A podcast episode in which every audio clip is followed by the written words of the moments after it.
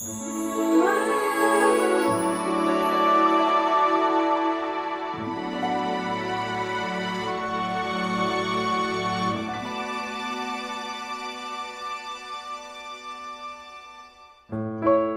Sobat Ceria, apa kabar? Semoga dalam keadaan sehat dan ceria. Masih bersama saya Weda pada senior kali ini. Gema Ceria BEM Undira hadir untuk menggemakan semangat mahasiswa dalam berkreativitas dan berinovasi, serangkaian membawa perubahan dari diskusi membangun negeri. Tidak lengkap rasanya jika tidak mengucapkan salam kita, Sobat Ceria, Sobat Cerdas, Inovasi, dan Berkarya. Selamat pagi, selamat mendengarkan siniar Gema Ceria BEM Undira, Gerakan Mahasiswa Cerdas, Inovasi, dan Berkarya. Bersama saya Weda Kwesna, kali ini kita masih dalam satu topik yang sama pada episode pertama, yakni mengenal lebih dekat dengan BEM Undira Kabinet Metamorfosa. Saat ini kita telah mengundang narasumber dari Menteri KPSDM dan Menteri Ekonomi Kreatif. Dari bidang 3, dan Sobat Ceria, berbicara tentang organisasi, tentu adanya banyak hal yang merangkum semuanya. Ada kepemimpinan, manajemen organisasi, komunikasi efektif, integritas, profesionalisme, arah dan tujuan dari organisasi tersebut. Pada dasarnya, memang aspek-aspek ini yang memberikan kita pemahaman lebih pada gambaran sebuah organisasi itu sendiri. Begitupun dengan Badan Eksekutif Mahasiswa atau BEM Universitas Dianapura Sobat Ceria, kita akan menyapa terlebih dahulu narasumber kita pada hari ini dari KPSDM dan Ekrab. Nah, untuk menyapa dari Sobat Ceria. Halo Sobat Ceria, apa kabar? Halo. Halo, kabar baik. Sehat selalu. Baik. Sehat selalu dan di masa pandemi COVID-19 jangan lupa untuk menerapkan 3M. Ya. Dan Sobat Ceria, saya perkenalkan kedua narasumber kita pada hari ini yakni dari KPSDM dan Ekrab. Dipersilahkan untuk memperkenalkan diri. Uh, baik, perkenalkan uh, nama saya Nimita Utari, bisa dipanggil Utari, selaku Menteri dari KPSDM. Baik, uh, perkenalkan nama saya Ikut Adi Mata Antara, biasa dipanggil Adi. Saya merupakan mahasiswa aktif Prodi Manajemen semester 4 dan di BEM Undira saya menjabat sebagai Menteri Ekonomi Kreatif. Ya, luar biasa sekali dan kesibukannya apa aja sih di pandemi COVID-19 ini di kementerian kalian masing-masing? Um, dari saya sendiri untuk KPSDM uh, akhir-akhir ini masih menyusun proker-proker yang sedang akan berjalan di bulan depan tentunya. Uh, contohnya seperti akan rekrutmen tentang uh, BEM. Uh, selanjutnya pasti ada uh, LBKM, latihan dasar kepemimpinan mahasiswa tentunya. Seperti itu sih. Kalau dari Kementerian Ekonomi Kreatif untuk kesibukan saat ini yaitu menjalankan program kerja Bank Sampah. Nah, di mana kami sudah memulai program kerja ini dari bulan Januari sampai nanti di akhir periode kepengurusan. Nah, setiap bulannya kami mengumpulkan, kemudian memilah hingga melakukan penjualan. Nah, selain itu juga kami juga sedang menyusun proposal, proposal Pekan Kreativitas Mahasiswa yang berkaitan dengan salah satu program kerja kami yaitu Kamandiran. Nah selain itu kami juga mempersiapkan program-program kerja yang akan kami adakan di bulan depan. Mungkin itu saja kesibukan dari Kemenkra. Ya. Dan di sini eh, saya bisa panggil Adi dan Utari ya. Ya. Betul. Baik. Uh, luar biasa sekali karena di program kerja di kementerian masing-masing memang cukup padat juga ya. Apalagi nanti akan menyusul di PKM Pekan Kreativitas Mahasiswa itu sendiri. Ya. Nah, kalau kesibukan kalian secara pribadi nih uh, untuk mengatur waktu kalian dengan organisasi itu sendiri, gimana itu? Uh, nah, akhir-akhir ini kan uh, Utari sendiri masih kerja ya, kerjanya freelance tentunya. Uh, nggak padat-padat banget juga jadwalnya, jadi masih bisa menyesuaikan dengan proker-proker yang sedang berjalan uh, di BEM tentunya. Jadi masih bisa sih mengatur waktu gitu. Kalau Adi bagaimana? Kalau dari saya sendiri untuk kesibukan selain di perkuliahan karena sekarang ini sudah mulai kuliah tapi untuk tugas itu belum ada jadi masih bisa untuk mengatur kesibukan baik kesibukan yang di rumah kesibukan untuk berkuliah dan menjalankan program kerja di BEM. Dan seperti kita ketahui bahwa di bidang tiga, uh, saya lupa memberitahu di awal ini. Kita sebenarnya ada satu narasumber lagi yakni dari Kementerian Media Informasi. Nanti kami akan siapkan untuk media informasi di segmen berikutnya seperti itu. Nah, kalau dari tugas dan apa ya tanggung jawab di kementerian kalian masing-masing tentunya memiliki uh, ADRT yang berbeda seperti itu. Nah, kalau di Kementerian KPSDM itu tugasnya apa aja? Uh, nah, biasanya di KPSDM itu kan uh, tugasnya kita tuh dari pertama merekrut anggota-anggota uh, calon badan eksekutif mahasiswa yang baru. Terus selanjutnya kita tuh memantau bagaimana sih perkembangan di setiap kementerian-kementerian yang ada di badan eksekutif mahasiswa tentunya. Terus nggak itu juga, kita uh, di KPSDM juga bisa kolaborasi antara kementerian-kementerian lainnya dalam menjalankan program. Wah, luar biasa sekali. Nah, kalau dari kementerian dari Ekrab bagaimana, Adi? Untuk dari Kementerian Ekonomi Kreatif itu sendiri, untuk kita ketahui bersama, ekonomi kreatif itu hampir sama dengan kewirausahaan. Nah, di sini tugas dan tanggung jawabnya itu melakukan usaha penggalangan dana, sehingga menghasilkan pendapatan untuk menunjang kegiatan BEM Undira yang dilakukan melalui program kerja yang berkaitan dengan kegiatan ekonomi kreatif dan kewirausahaan.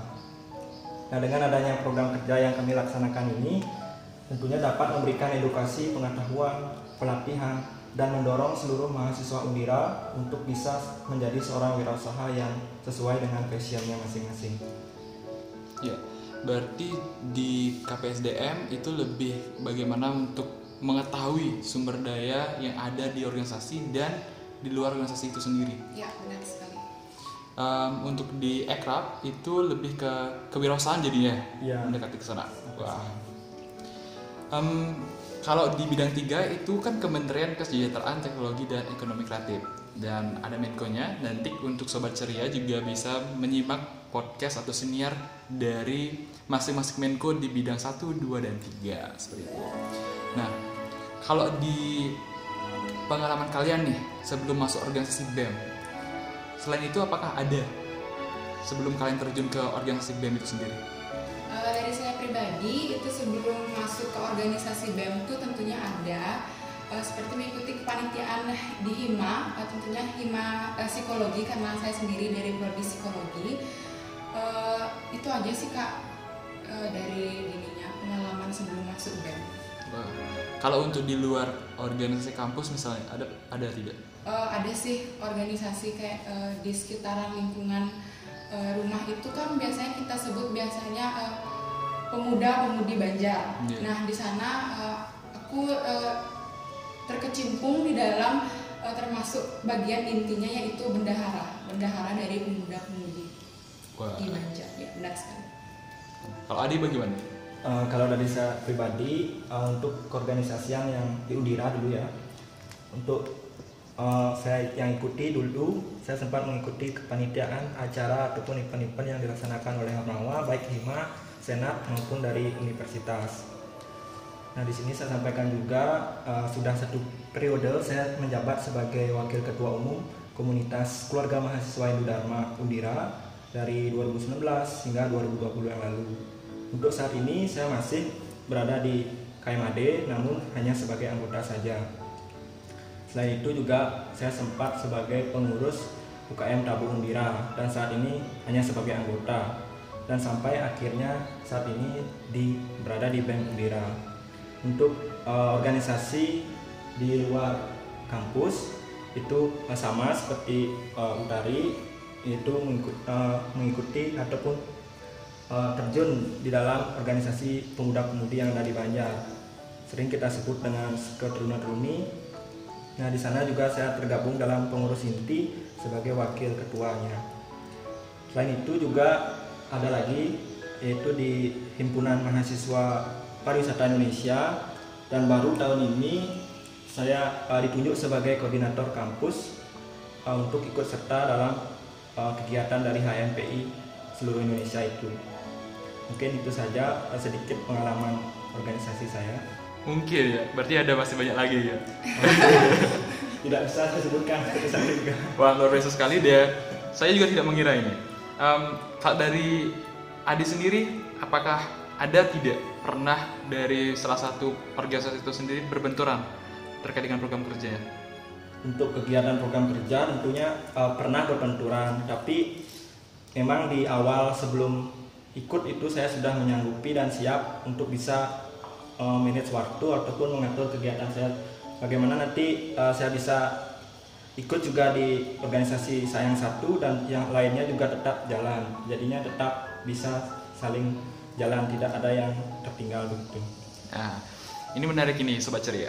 Uh, pasti Sobat Ceria di mana pun kalian berada saat ini ingin mengetahui nih tips sedikit uh, bagaimana cara Adi sendiri untuk menyanggupi dari dalam diri Adi misalnya, wah saya sanggup nih, pasti ada salah satu potensi yang Adi siapkan seperti itu.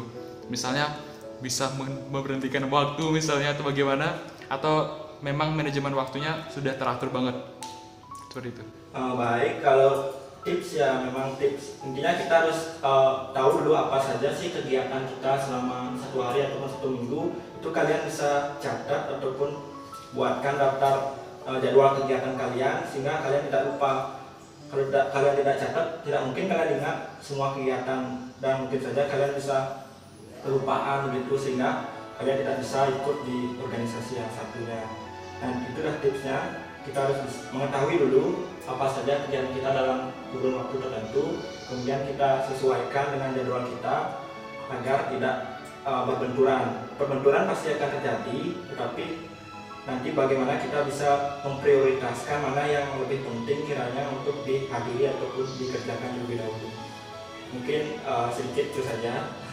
Dan semoga bermanfaat ya tipsnya dari Adi untuk sobat ceria di mana pun kalian berada dan dari saya juga uh, istilahnya seperti ini. Setiap uh, apa pun yang kalian ikuti uh, harus mengetahui dulu nih apa saja sih tugas dan tanggung jawab kalian di organisasi itu sendiri. Nah kalau dari Adi sendiri ada pilihan nggak organisasi mana yang seharusnya Adi ikuti atau tidak seperti itu? Atau semua organisasi yang ras- rasa-rasanya Adi bisa atau sanggup untuk ikut jadinya Adi berminat atau tertarik seperti itu. Oh, tidak oh, baik, tidak semua sih organisasi saya minati. Eh, yang pertama saya eh, mencari organisasi tentu organisasi yang memang eh, berada ataupun yang bisa saya kerjakan atau tugas-tugasnya bisa saya kerjakan. Yang merupakan tidak jauh dari eh, kemampuan yang saya miliki. Karena tidak bisa juga saya bisa mengambil semua atau ikut di semua organisasi. Tentu dari saya sendiri akan terganggu dalam perkuliahan misalnya karena keorganisasian itu kan tidak hanya kegiatannya satu dua tapi banyak tidak hanya juga kegiatannya di satu tempat saja itu berbeda-beda tempat nah begitu mungkin Kalau Utari bagaimana nih? Kalau dari Utari sendiri, bagaimana menyanggupi mengikuti sebuah organisasi itu eh, balik kepada diri sendiri juga ya, kepada pribadi masing-masing. Apakah siap dan mampu mengembangkan tugas di suatu organisasi atau enggak gitu. Karena kan kita tujuan mengikuti organisasi selain kita mendapatkan pengalaman, juga kita eh, menjalin relasi, terus eh, mengembangkan tanggung jawab. Eh, jadi kita harus lebih mem- memikirkan itu matang-matang bagaimana ke depannya apakah kita bisa memilih waktu untuk ke depannya dan bertanggung jawab untuk ke depannya seperti itu sih kak. Wah, luar biasa sekali. Ciri khas anak mahasiswa organisasi itu seperti itu ya. Jadi sudah berpikir dewasa banget sebelum usianya kadang-kadang seperti itu. Udah seperti bapak-bapak dan ibu-ibunya selain seperti itu. Tapi itu menariknya. Dan tadi kita sudah membahas terkait dengan diri kalian masing-masing. Nah, kalau kalian ditanya misalnya nih, kalian bisa tertarik untuk terjun ke organisasi BEM itu seperti apa? Karena di organisasi kampus kan ada Senma dari fakultas masing-masing, ada FKST sama di FEBH seperti itu. Adapun Hima juga kan istilahnya. Kenapa harus BEM seperti itu? Dari Utari, duluan. Dari Utari sendiri, kenapa sih memilih langsung terjun mengikuti organisasi BEM sendiri? Karena menurut Tari tantangannya lebih dapat ya. Eh, jadi eh, banyak banget proker-proker yang tentunya bakal kita dapat jalanin. Terus eh, relasi kita juga nggak di sekitaran BEM aja, pasti kita bakal kolaborasi dengan Senma Fix, eh, contohnya dengan Senma FEBH juga. Jadi eh, di BEM itu mengikuti organisasi BEM langsung itu seru aja gitu, banyak banget pengalaman-pengalaman, terus eh, banyak banget kerja-kerja yang bisa kita ambil. Walaupun sekarang kita masih di dalam situasi daring pandemi COVID-19 ini sih. Jadi Utari seperti itu Kak Eda. Wah, tantangannya tantangannya itu seperti apa ya sih nih? Untuk sobat ceria pasti pengen tahu juga nih. Nah tantangannya itu biasanya apalagi di eh, pandemi covid kayak gini tuh biasanya kita eh, waktu. Nah kadang kan eh, sekarang orang-orang tuh sekarang udah pada daring pasti ada yang ngambil kerjaan sibuk di rumah atau sibuk ngambil uh, kerjaan lainnya gitu kan jadi kita tuh nggak stuck di badan eksekutif mahasiswa sendiri atau BEM sendiri untuk menjalankan proker jadi uh, intinya kita tuh harus bisa manajemen waktu dan sebelum-sebelumnya itu kita harus bisa sudah menentukan jadwal-jadwal kegiatan minggu di minggu-minggu selanjutnya seperti itu sih Kak Ya, tantangannya adalah mengembangkan diri kita menjadi lebih baik seperti ya, itu ya, sobat ceria. Dan kalau untuk Adi bagaimana nih? Kok bisa tertarik untuk ikut BEM?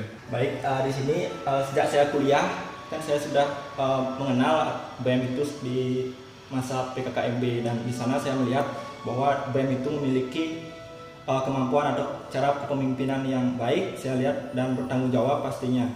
Nah dari sana uh, saya juga sudah memiliki target untuk bisa ikut di organisasi BEM ini. Namun uh, sebelum itu uh, saya sudah saya juga merintis dari mulai dari Korti, kemudian uh, saya juga sempat di Hima sebentar uh, ikut Hima kurang lebih beberapa bulan dan satu broker di Hima Manajemen, kemudian di uh, Senat FEBH itu juga sempat saya ikut di sana tetapi tidak sebagai anggota tetapi ikut di dalam event-eventnya sehingga saya mengetahui bagaimana sih perbedaan di mulai dari tingkat yang kecil dari Hima, Senma hingga ke BEM. Nah, di sini saya juga pasti saya mengetahui bahwa di BEM itu uh, yang organisasi yang tertinggi gitu uh, dan memiliki untuk orang-orangnya ini dan ilmu yang nanti akan saya dapatkan itu lebih banyak. Dan juga relasi di BEM ini sangat luas. Karena tidak hanya di universitas saja tapi ada kegiatan yang memang kita bisa berkoordinasi atau komunikasi dengan universitas lainnya begitu. Ngomongin masalah target nih, kalau untuk mahasiswa semester satu sudah mentargetkan BEM itu misalnya, apa yang Adit pikirkan? Apakah ada inspirasi kah untuk bisa masuk nih? Harus pokoknya masuk BEM nih gitu. Sebenarnya untuk uh, target organisasi itu uh, saya suka berorganisasi memang dari uh, dari SMK dan dari SMP sudah ikut osis dan di kuliah itu kan uh, saya mengetahui ada BEM nah gimana sih secara saya bisa ikut BEM selain itu juga ada dorongan dari atau motivasi dari teman-teman sering, sering memanggil saya uh, ketua BEM begitu. Karena ketua, ketua kelas tapi dipanggilnya ketua BEM. Seringlah begitu teman-teman sehingga saya semakin termotivasi untuk bisa ikut di band nah gitu. Kalau untuk tari bagaimana nih? Apakah ada target dari awal dari semester satu misalnya atau semester berapa uh, wah harus masuk BEM nih gitu itu uh, nah jadi ceritanya kenapa sih pengen banget uh, ikut organisasi badan eksekutif mahasiswa sendiri ini karena dari SMP dan SMK itu sama seperti Adi uh, dulu tuh terpilih menjadi ketua kelas. Jadi dari SMP ke SMK jadi enam tahun berturut-turut ya. Kalau nggak ketua kelas pasti selalu jadi wakil. Jadi itu termotivasi banget buat jadi uh, apa namanya suatu perkembangan diri. Biar nggak di uh, stuck atau diem di satu uh, kepemimpinan itu aja. Jadi pengen uh, merasakan bagaimana sih ikut organisasi yang lebih luas lagi cakupannya apalagi BEM sendiri ini seperti yang dikatakan oleh Adi cakupannya nggak nggak di universitas kita sendiri aja kita bisa menjalin relasi dengan universitas lainnya jadi uh, sangat banyak pengalaman sih yang bakal kita temuin uh, kalau kita ikut badan eksekutif mahasiswa itu sendiri dan kembali kepada pribadi masing-masing juga. Kalau untuk inspirasi untuk ikut organisasi sebelumnya itu ada nggak? Kalau inspirasi itu ada karena waktu SMK Utari pernah ikut osis, yeah. tapi itu nggak lolos karena itu salah uh, penyebutan nama. Jadi itu Tari termotivasi jadi uh, jadinya untuk mengikuti BEM ini. Nah, kalau misalkan di OSIS tari nggak lolos, berarti di lain kesempatan pasti bisa seperti itu. Jadi motivasi itulah yang bikin Utari menjadi semangat untuk mengikuti suatu organisasi yang lebih besar lagi seperti itu. Wah, begitupun juga dengan sobat ceria ya. Jadi kami di keluarga besar Badan Eksekutif Mahasiswa juga menunggu kehadiran kalian. Karena kan roket terdekat kalau tidak salah tadi saya dengar itu dari HPSDM adalah untuk melakukan open recruitment seperti ya, itu ya. benar sekali recruitment. Kira-kira kapan tuh? Jadi sobat ceria bisa siap-siap nih. Oh, jadi rencananya itu dari bulan uh, kita sih um, Juni itu kita bakal bicarakan mengenai proker rekrutmen uh, untuk anggota calon anggota badan eksekutif mahasiswa yang baru. Uh, untuk selengkapnya mungkin nanti uh, kita akan infokan lagi di Instagram BEM Undira tentunya Kak. Ya. Jadi pantengin terus dah pokoknya tuh uh, akun milik dari BEM Undira. Nama Instagramnya bem.undira. Ya. Nah, ini menarik sekali karena kita di senior ini sudah membahas pengembangan diri masing-masing. Dan mungkin saya ingin sedikit pertanyaan sebelum melewati ke kementerian kalian. Uh, kalau kalian menanggapi seperti Adi misalnya nih, banyak ikut organisasi tapi tidak pandai memanajemen waktu. Uh, sama seperti Utari misalnya, menantang diri untuk mengembangkan menjadi lebih baik seperti itu. Kira-kira kalau Adi berpandangan sudut pandang yang lain nih sama Utari, kalau ada orang yang ikut organisasi tapi gagal rasanya memanajemen waktu, itu salahnya di mana sih biasanya?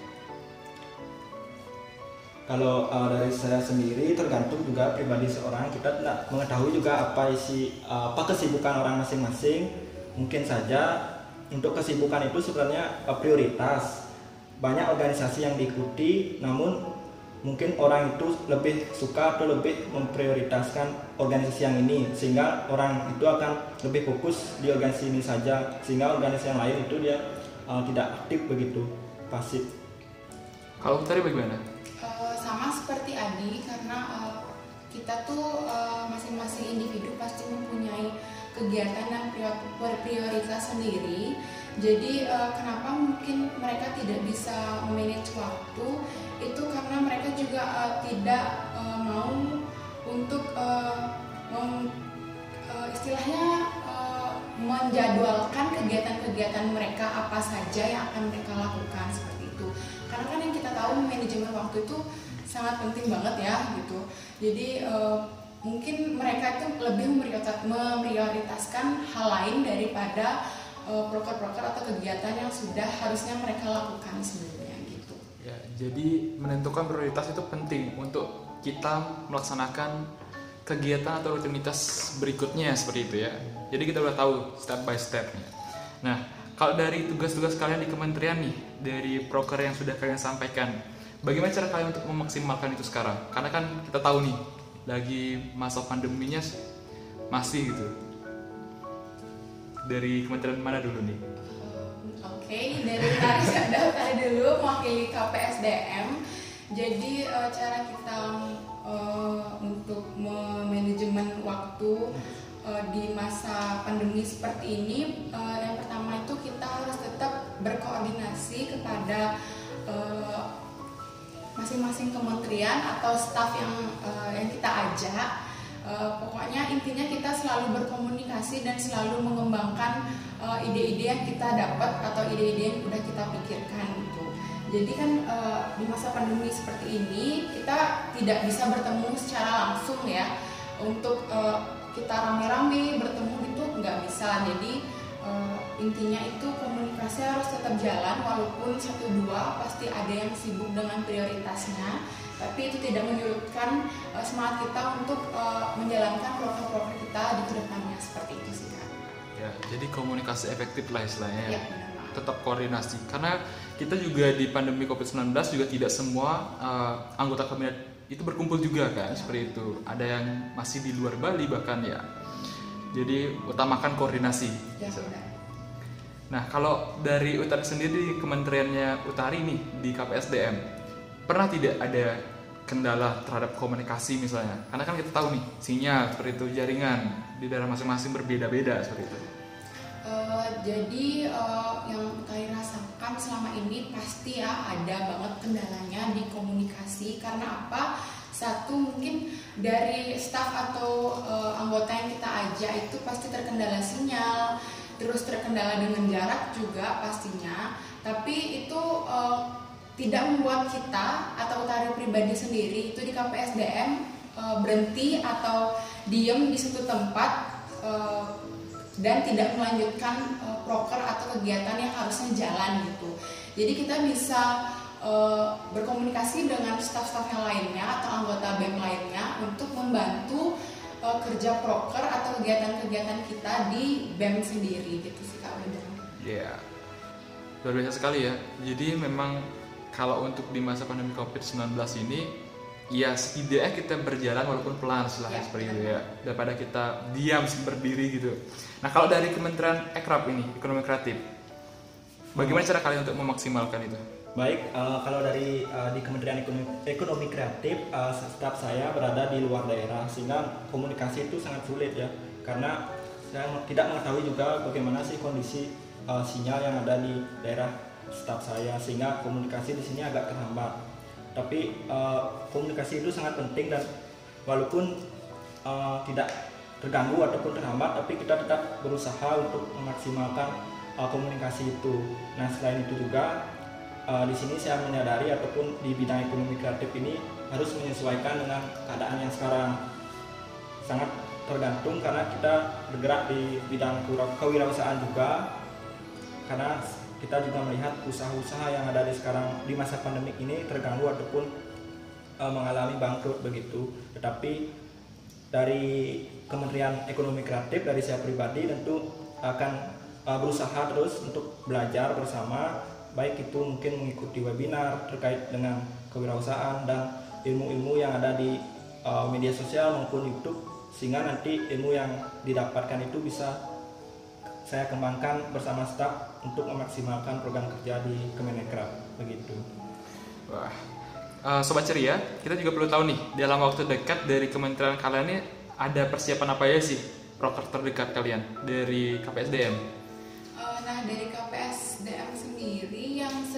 berjalan dan tentunya udah kita laksanakan tapi belum eh, kita publikasi itu adalah proker BEM of the Month di mana kita ini eh, menilai kinerja eh, anggota-anggota Badan Eksekutif Mahasiswa yang sudah eh, berjalan eh, setengah periode tentunya.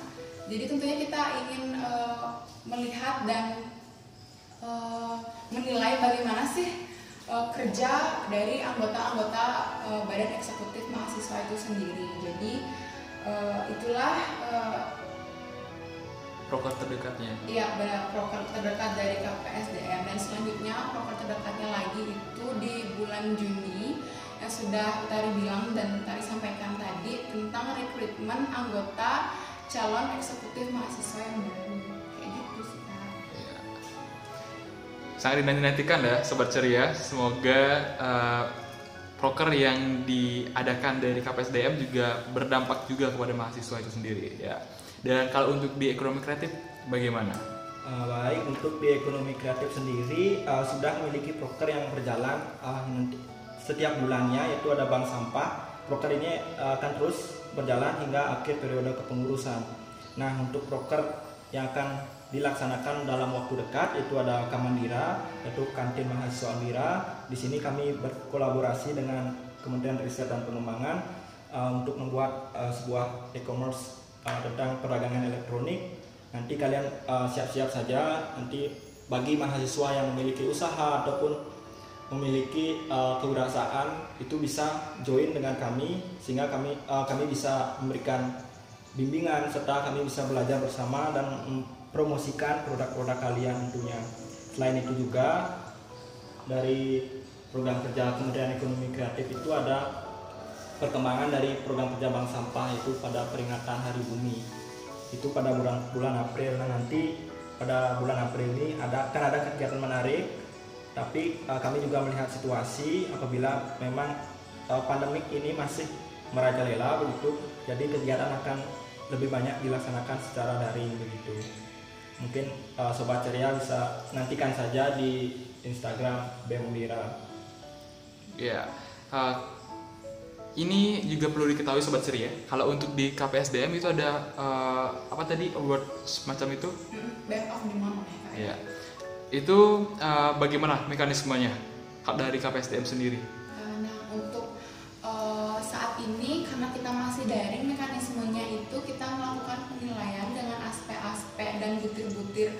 uh, uh, apa namanya penilaian yang sudah uh, KPSDM sediakan. Itu jadi kita melayani kita itu melalui uh, Google Form terlebih dahulu karena kita kan tidak bisa bertemu secara langsung gitu. Jadi penilaian itu seperti uh, apakah anggota anggota dari Badan Eksekutif Mahasiswa itu eh, bertanggung jawab, disiplin atau tidak, dapat mengikuti kegiatan atau kepanitiaan offline atau online seperti itu sih Kak Weda gambarannya. Wah, jadi di anggota kabinet pun diuji selain seperti itu ya, Ya. kelayakannya untuk mewakilkan aspirasi mahasiswa itu sendiri. Ya. Nah, kalau dari ekonomi kreatif, eh, tadi saya sedikit mendengar juga eh, terkait dengan bank sampah seperti itu. Apa sih tujuan dari bank sampah ini seperti itu? Karena kan kita tahu nih masa pandemi COVID-19 apa aja sih tantangannya?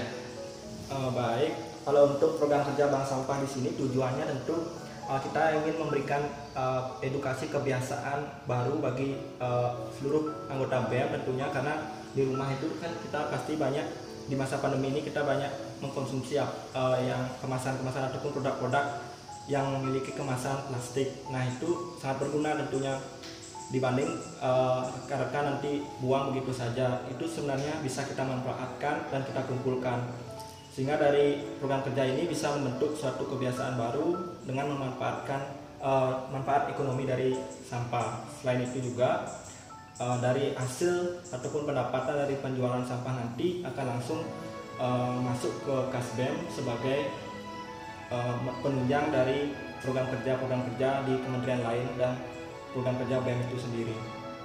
Mungkin begitu. Nah, kalau kalau dari program kerja eh, ekonomi kreatif terkait dengan e-commerce tadi ya. Ya. Nah, itu bagaimana itu? Kalau untuk e-commerce ini masih sedang kami uh, rencanakan dan kami susun agar lebih matang lagi karena uh, ini memerlukan persiapan yang sangat matang. Nanti di sini kami akan mengajak uh, seluruh us- pengusaha ataupun mahasiswa yang memiliki produk berupa barang yang nantinya akan kami pasarkan dan kami promosikan ikut dengan di website uh, e-commerce BEM Undira. Selain itu juga kami akan uh, membuat suatu kami akan mendaftarkan diri atau membuat suatu toko di dalam sebuah marketplace.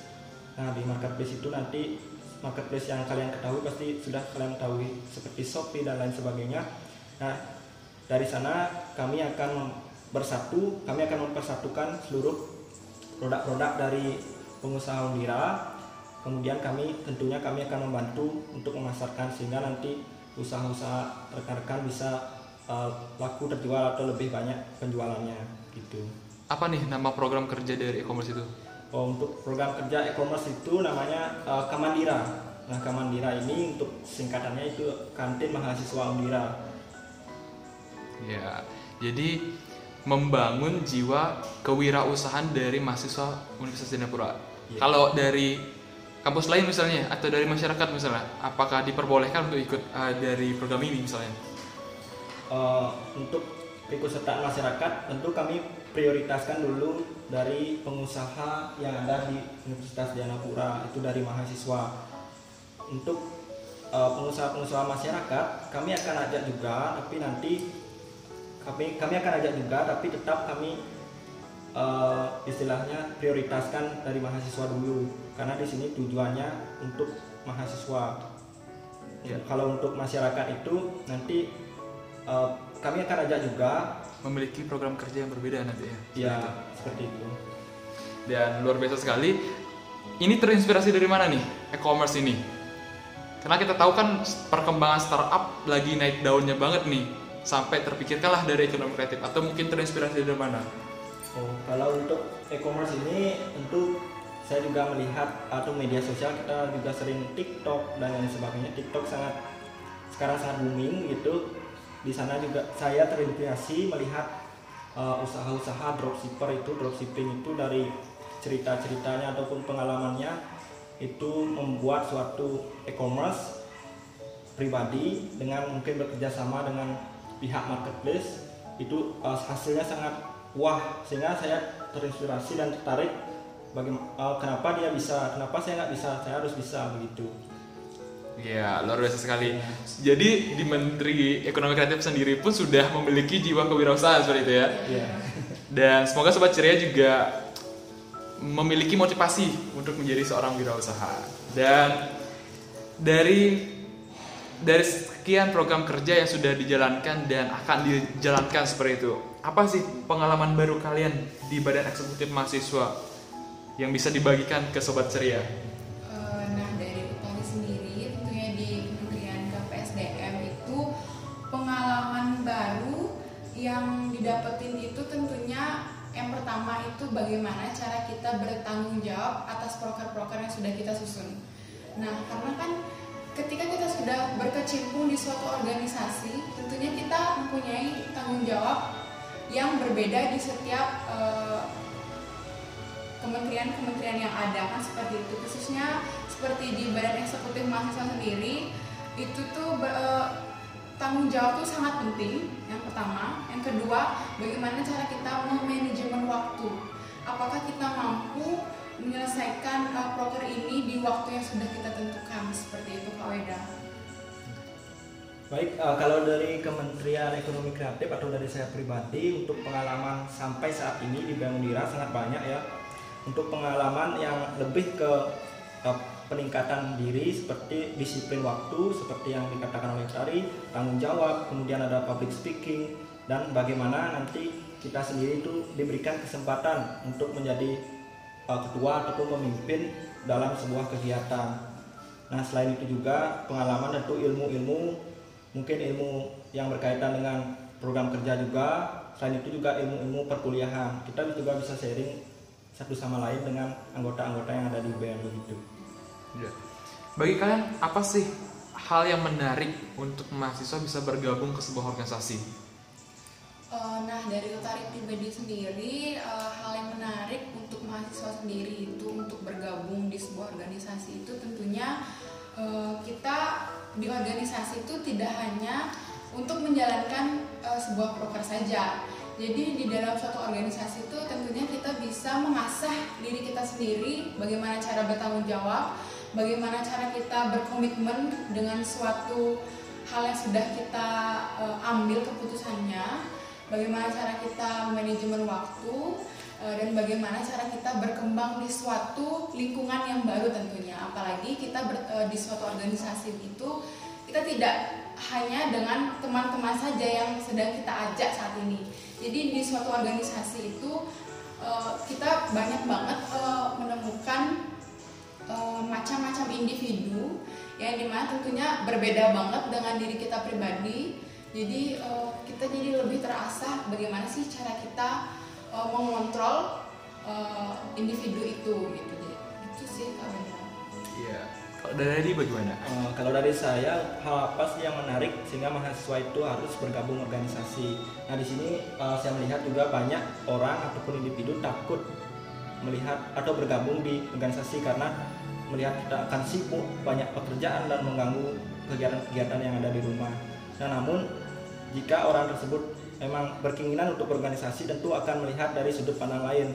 Di sini dalam organisasi itu yang paling menarik tentu kita memiliki banyak teman. Nah di sini teman itu akan membentuk suatu relasi karena di organisasi kampus itu orang tipe orang itu tidak sama seperti kita pemikirannya beda dan cara kerja beda nah di sana kita bisa melihat atau meniru mengambil nilai positif dari orang tersebut sehingga kita juga bisa menambah atau mengembangkan kualitas diri kita begitu wah luar biasa sekali sobat ceria dan pada hari ini dengan topik mengenal lebih dekat dengan BEM Undira, Kabinet Metamorfosa, kita sudah menghadirkan kedua narasumber di bidang tiga ya. Ini di KPSDM dan Ekrab seperti itu. Dan semoga Sobat Ceria juga dapat menyimak dan mendapatkan kebermanfaatan selaya dari apa yang kita sudah diskusikan seperti itu. Nah, dari pembicaraan kita tadi ini kita sudah membahas segala aspek yang ada di organisasi, baik dari kepemimpinan, manajemen organisasi, komunikasi efektif, dan sebagai integritas seseorang dalam mengemban tanggung jawabnya mereka dalam menjalankan proker proker yang ada. Profesionalisme juga karena kita penting untuk memahami bagaimana kita harus mampu memilah prioritas yang mana saja yang harus kita jalankan seperti itu. Arah dan tujuan kita memiliki kepentingan dan rasa keinginan untuk berkembang secara pribadi seperti itu. Tetapi dalam sebuah organisasi kita menjadi pemikiran yang bersama, tetapi tidak juga melupakan bahwa dalam organisasi ada asas demokrasi seperti itu. Ya. Kurang lebihnya seperti itu.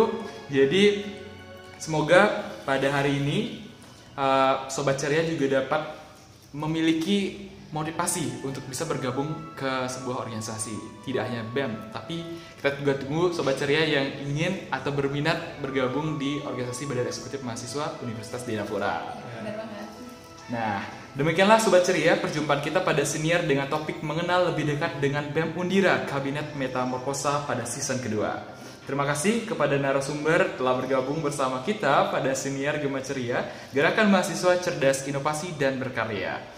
Nantikan season berikutnya pada topik yang sama dengan selalu update informasi terbaru hanya di akun resmi milik BEM Undira, yakni ada Instagram at bem.undira dan website www.bem.undirabali.ac.id dan masih ada juga kalian juga bisa akses untuk melihat uh, akun resmi dari BEM Undira itu sendiri. Ada TikTok, Twitter, Facebook dan YouTube seperti itu. Dan bagi kalian sobat ceria yang sedang mendengarkan siniar kali ini, kalian juga bisa unggah momen kalian saat mendengarkan siniar ini di Instagram story kalian masing-masing dan jangan lupa gunakan tagar hashtag Gema Ceria BEM Undira dan hashtag Sobat Ceria dan jangan lupa juga tag akun Instagram dari BEM Undira sendiri. Nah, um, selain itu jangan lupa untuk mengikuti media sosial yang telah kita sebutkan tadi untuk mendapatkan informasi terbaru dari kami. Saya ingin mengajak kepada narasumber untuk mengucapkan salam Sobat Ceria pada hari ini yakni Sobat Ceria, Sobat Cerdas, Inovasi, dan Berkarya. Jadi sudah tahu? Sudah. Ya, baik saya pimpin Sobat Ceria, Sobat cerdas, inovasi dan, dan Berkarya. Luar biasa sekali pada hari ini. Dan sampai jumpa di lain kesempatan Sobat Ceria, Gema Ceria mengudara dan menggema dalam membawa perubahan dan kemajuan. Salam mahasiswa.